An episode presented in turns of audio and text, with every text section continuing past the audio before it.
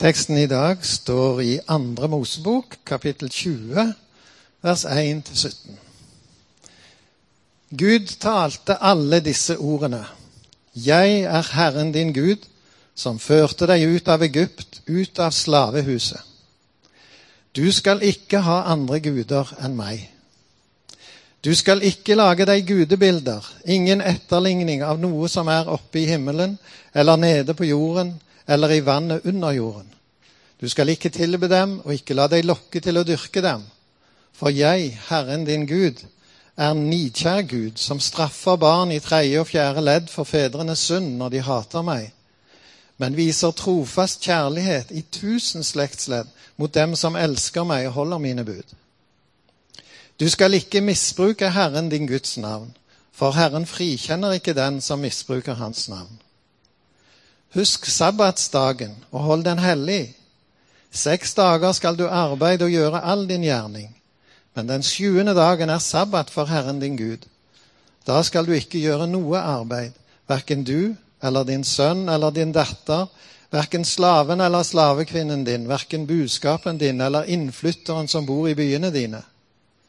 For på seks dager laget Herren himmelen og jorden, havet og alt som er i dem men den sjuende dagen hvilte han. Derfor velsignet Herren sabbatsdagen og helliget den. Du skal hedre din far og din mor, så du kan leve lenge i det landet Herren din Gud gir deg. Du skal ikke slå i hæl. Du skal ikke bryte ekteskapet. Du skal ikke stjele. Du skal ikke vitne falskt mot din neste. Du skal ikke begjære din nestes hus. Du skal ikke begjære din nestes kone, slaven eller slavekvinnen hans, oksen eller eselet hans, eller noe annet som hører din neste til. Slik lyder Herrens ord. Det er varmt i dag. Det er jo litt sånn at vi nesten eh, helst vil oppholde oss i skyggen. Det var sånn når vi bodde i Brasil. Vi kunne ikke ha gudstjeneste på formiddagen, vi hadde det på kvelden. For da kom det en litt sånn svale svalvin. I dag så har vi det litt sånn eh, tropisk. Og så er det, er det, så uvant at vi nesten syns det blir mye. Og Sånn er det med oss mennesker. At, eh, at, vi lengter veldig etter varmen, og når vi først får den, så er det nesten for mye av det. Er det ikke rart? Passer i grunnen godt å innlede med, med, det for israelsfolket, som vi har fulgt eh, helt siden utvelgelsen av Abraham nå i vår. De er litt, eh, litt sånn også. At eh, de lengter etter at Gud skal gjøre noe for dem, og når han først har gjort det, så så klager de over det han har gjort etterpå.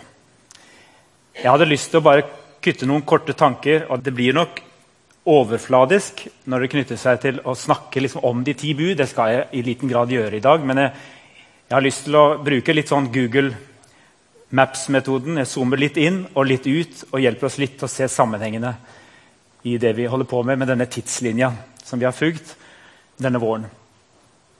For det var jo da sånn, og det har dere fått med dere nå fra filmen for barna og for oss her i stad som hadde fokus på utmarsjen fra Egypt, befrielsen og dette spektakulære underet når de blir ført gjennom Sivsjøen. Over på den andre siden og er trygt i sikkerhet og nesten ikke tror sine egne øyne. Og hva nå? Nå ligger ørkenen foran dem. Så de er på en måte frelst og har fått en fantastisk erfaring av Guds nåde og barmhjertighet.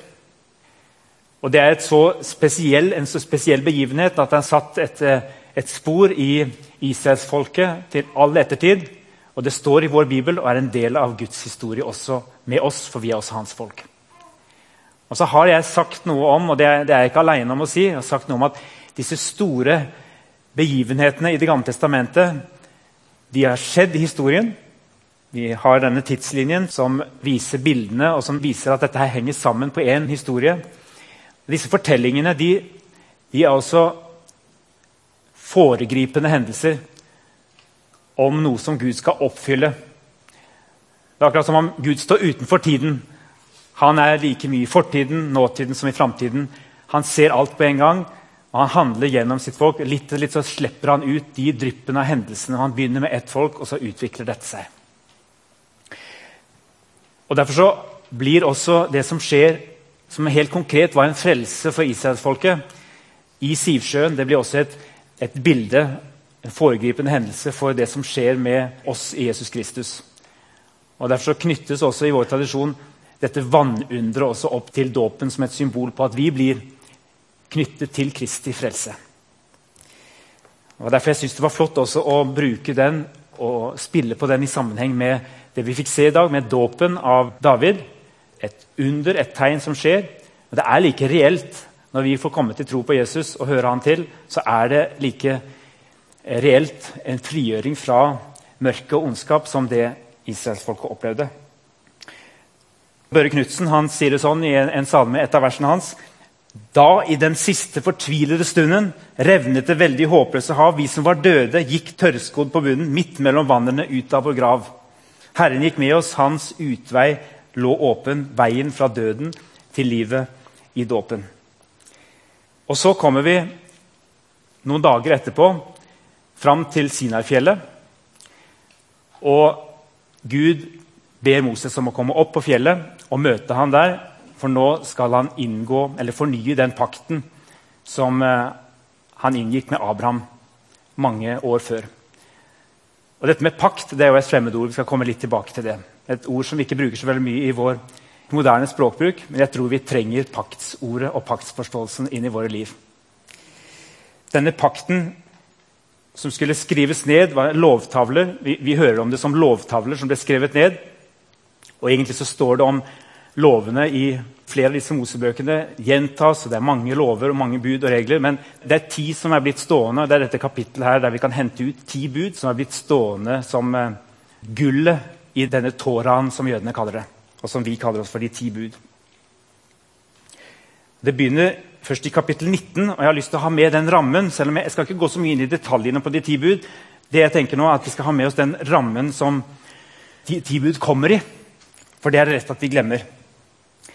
De ti bud de starter med at Gud sier dere har sett hva jeg gjorde med egypterne, og hvordan jeg løftet dere på ørnevinger og bar dere hit til meg. Hvis dere adlyder min røst og holder min pakt, skal dere være min dyrebare eiendom framfor alle andre folk, for hele jorden er min. Noen ganger så, så snakker vi om Det gamle testamentet som om det står i motsetning til det nye. Som at det er nye som snakker om evangeliet, og at Gud gir, og at Gud er nådig, og at Gud møter oss betingelsesløst. I motsetning til sånn det var i Det gamle testamentet. Men det er viktig å se at eh, på en måte så er mønsteret det samme i det gamle. Det starter med at Gud frelser. Det er alltid Gud som tar initiativet. Det er aldri vi som kan gjøre noe for å redde oss ut av vår egen fortvilelse.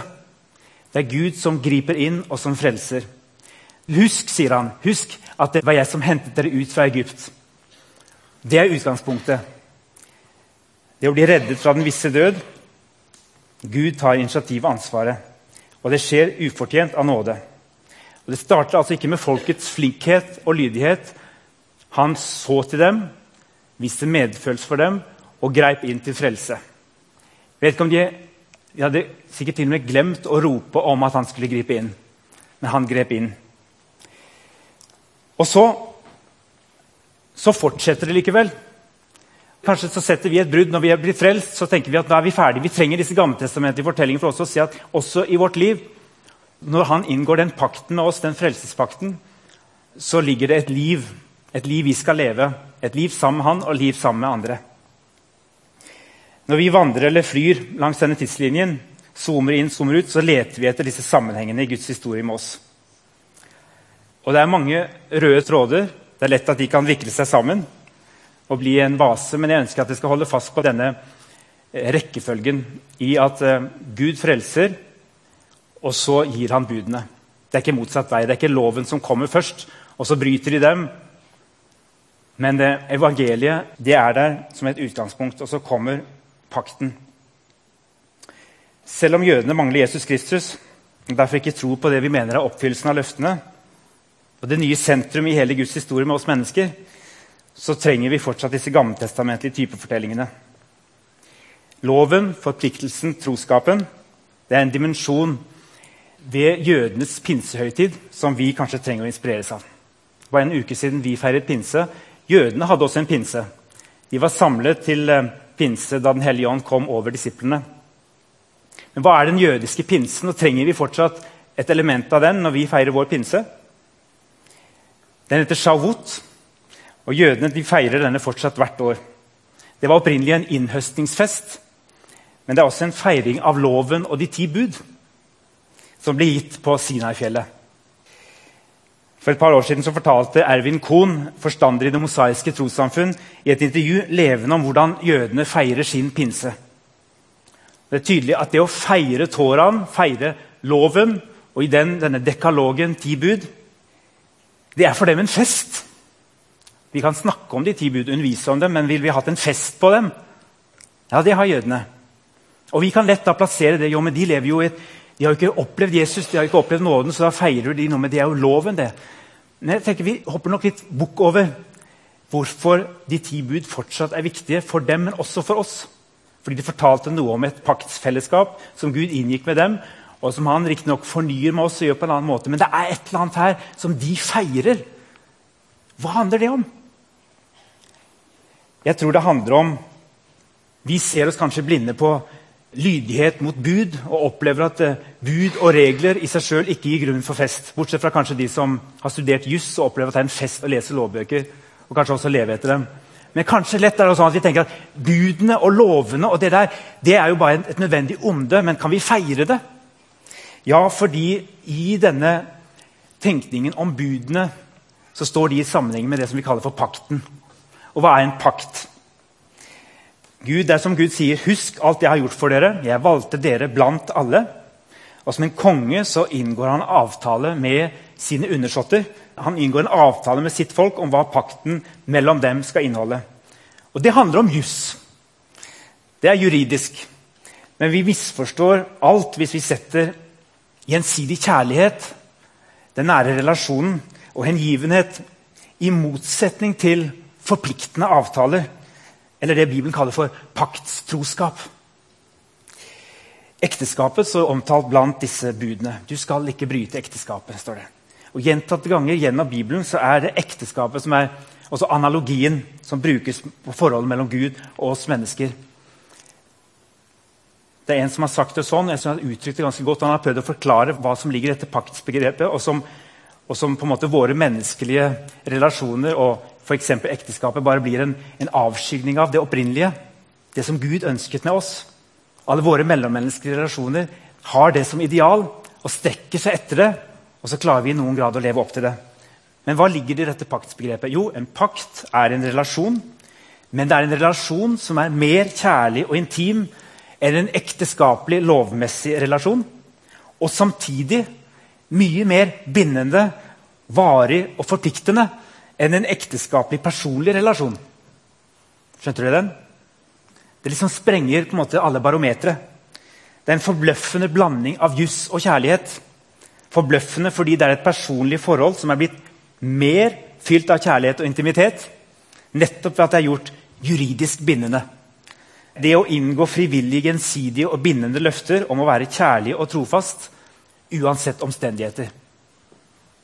Og det feirer jødene, og det feiret også de kristne lenge. Denne forståelsen av eh, at eh, de gode rammene, det ga hvile, det ga trygghet, det ga det gode liv.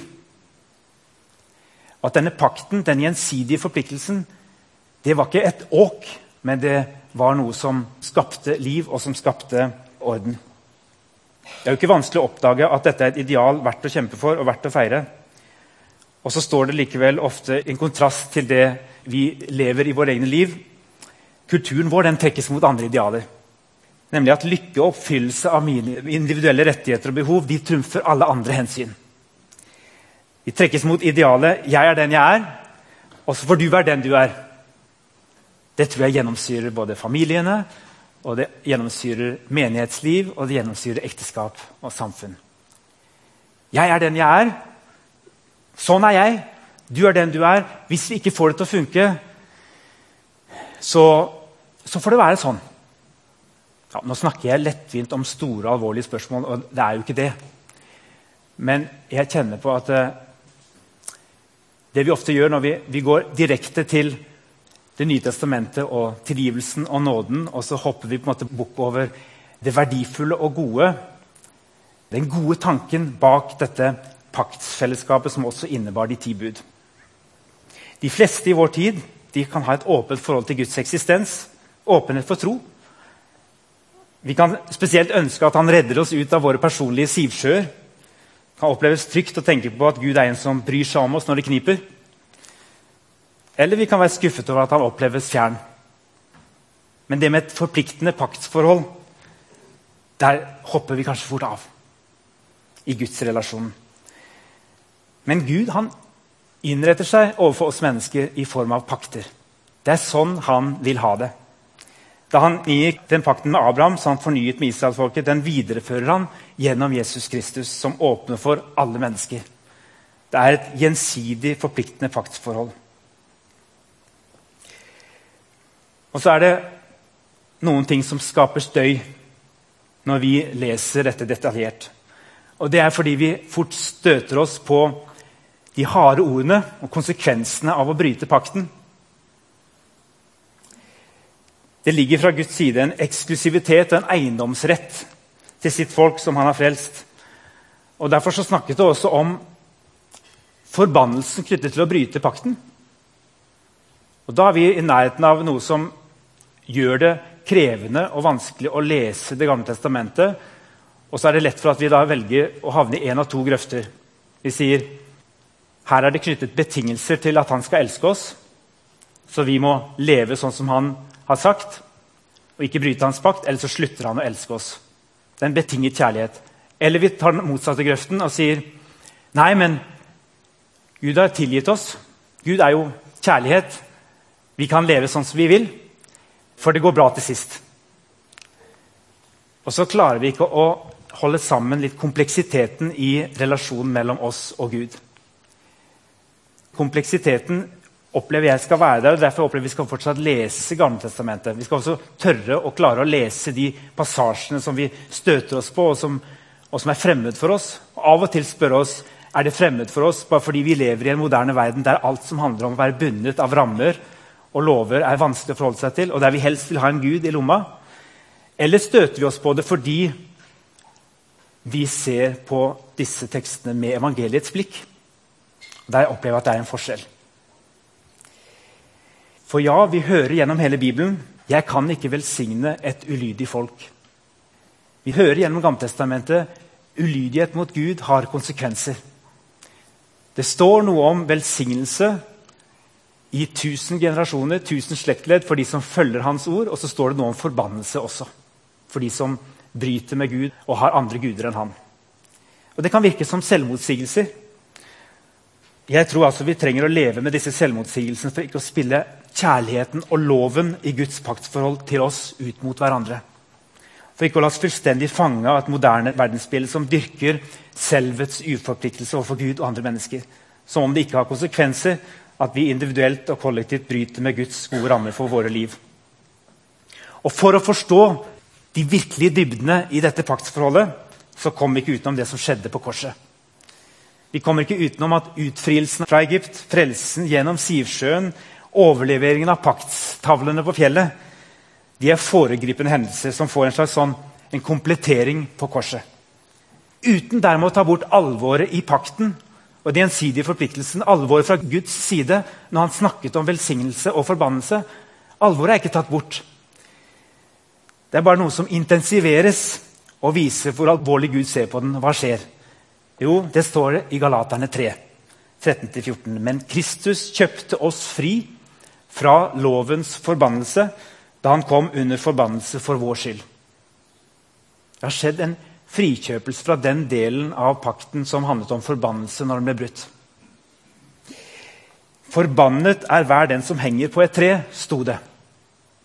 Slik skulle Abrahams velsignelse komme til folkeslagene i Kristus Jesus, så vi ved troen skulle få ånden som det var gitt løfte om. Vi tar jo ikke vekk det helt spesielle som Jesus gjorde på korset, for vår skyld. Men det er med å komplettere pakten. Ikke nødvendigvis å erstatte den. Det er ikke en annen gud vi møter i Nytestamentet enn i det gamle. Men en gud som holder fast på sin forpliktelse, og som sier 'Jeg elsker uansett' å få dette til å gå i hop. Fordi dere bryter pakten, ja, så kommer jeg inn og tar forbannelsen. Men med det forsvinner ikke de ti bud. Nei, de blir en del av det nye livet. Og det ser vi i bergpreika, når Jesus går inn og forkynner radikalt om og på en måte utlegger og radikaliserer de fleste av budene gjennom det livet som disiplene skal leve. Men det er i dette nye paktsfellesskapet i Kristus. Og vi forstår det ikke helt fullt og helt. I hvert fall ikke hvordan vi skal kunne leve etter det. Men eh, det ligger noen hemmeligheter i den pinsen som vi feirer, som er en, på en måte en feiring både av Guds pakt og Den hellige ånd, som kommer og gjør det mulig for oss i glimt nå i dette livet og helt og fullt i et evighetsperspektiv å, å leve dette forpliktende paktsfellesskapet og faktisk oppfylle både de ti bud og bergpreika. I et evighetsperspektiv er forbannelsen brutt for alle som ved troen får del i Ånden, og det får vi fordi Kristus kjøpte oss fri fra den del av loven. Derfor er det en ubrutt linje mellom jødenes pinse og de kristnes pinse. Vi feirer også pakten, men på en litt annen måte. Vi feirer tilgang på en kraft til å oppfylle loven i Kristus. Om vi bare i glimt ser det oppfylt i våre liv, så vet vi at det er oppfylt i Kristi liv. Og vi er i Kristus med våre liv, og skjult i Kristus. skjult av Han. Så det blir en sånn paradoksal lydighet vi kommer fram til. Om ikke å falle i en av to grøfter. Enten at vi ser på Guds velsignelse som betinget, så vi gjør alt vi kan for å fortjene dem.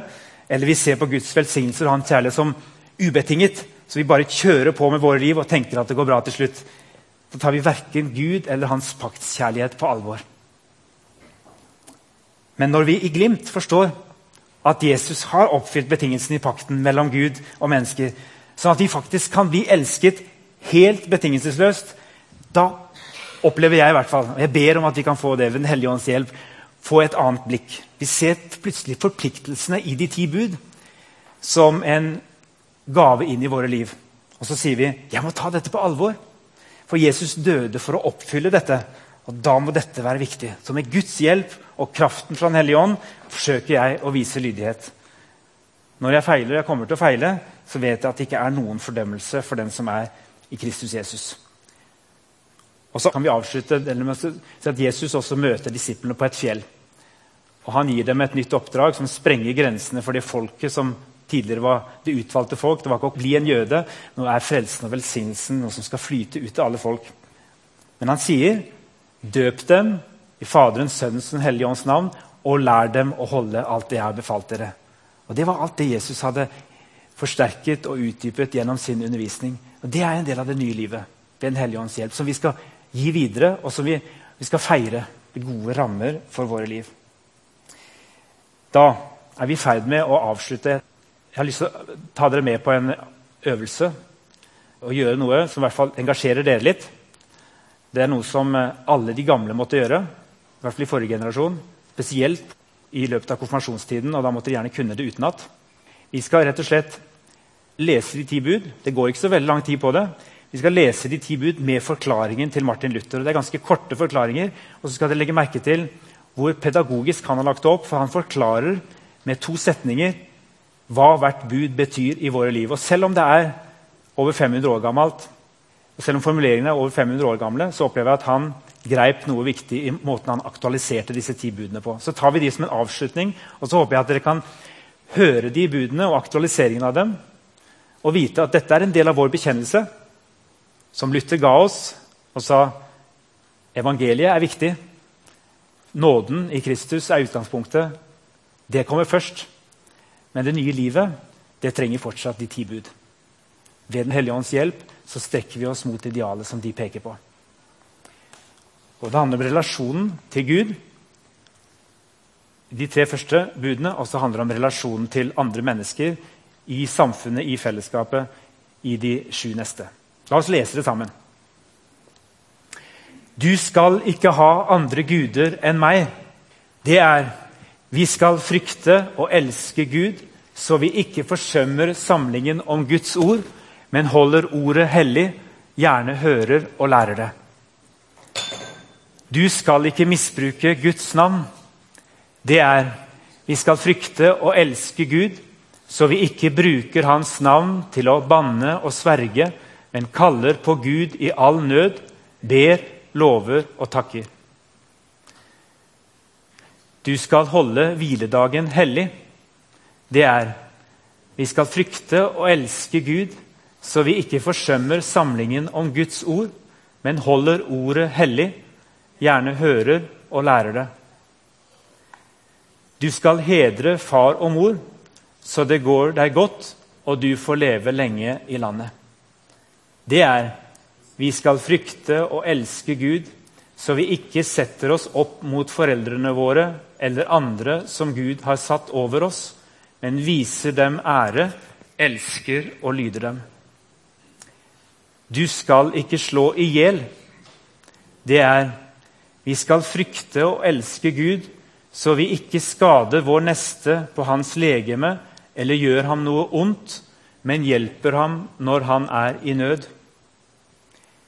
Du skal ikke bryte ekteskapet.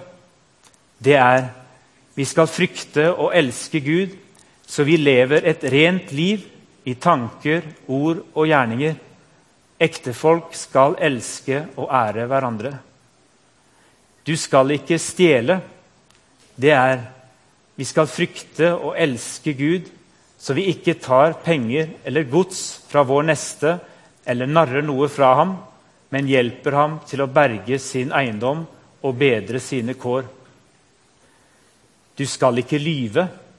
Det er vi skal frykte og elske Gud, så vi ikke lyver på vår neste, ikke sviker ham eller taler ondt om ham, men unnskylder ham, taler vel om ham og tar alt i beste mening. Du skal ikke begjære din nestes eiendom. Det er vi skal frykte og elske Gud, så vi ikke med list trakter etter vår nestes arv eller eiendom, eller prøver å ta noe fra ham med knep, men hjelper ham så han får ha sitt i fred. Du skal ikke begjære din nestes ektemake eller hans arbeidsfolk eller noe som hører de neste til. Det er vi skal frykte og elske Gud, så vi ikke lokker eller truer fra vår neste hans ektemake eller noen som arbeider hos ham, men minner alle om å være trofaste og gjøre sin plikt. Og de ti bud, sier Jesus, loven oppsummeres i det dobbelte kjærlighetsbudet. Du skal elske Herren i Gud av hele ditt hjerte og hele din sjel, og din neste som deg selv. Det handler om relasjoner. Det handler om det livet vi lever. Det handler om å oppleve dette som et rammeverk å hvile i og innenfor det huset, innenfor det rammeverket, så ber vi om Guds hjelp til, eh, til både å tro det og håpe at eh, vi kan leve dette i vårt liv. Skal vi be. Kjære Jesus. Takk for pinsen. Takk for Den hellige ånd. Takk for uh, at du fornyer din pakt med oss gjennom det du har gjort gjennom Jesu døde oppstandelse og Den hellige ånds gave i våre liv og at det har åpnet veien for alle folk til å få del i eh, paktsfellesskap med deg. Og for at uh, det nye er at uh, det ikke er noen fordømmelse for dem som er Jesus Kristus. Og det gir oss en frimodighet og en glede. Hjelp oss og gi oss et ønske om å, om å leve i forpliktelse, både overfor deg og i møte med de menneskene som du har gitt oss rundt oss, og som vi lever sammen med. En glad frimodighet til å leve forpliktende fellesskap. Amen.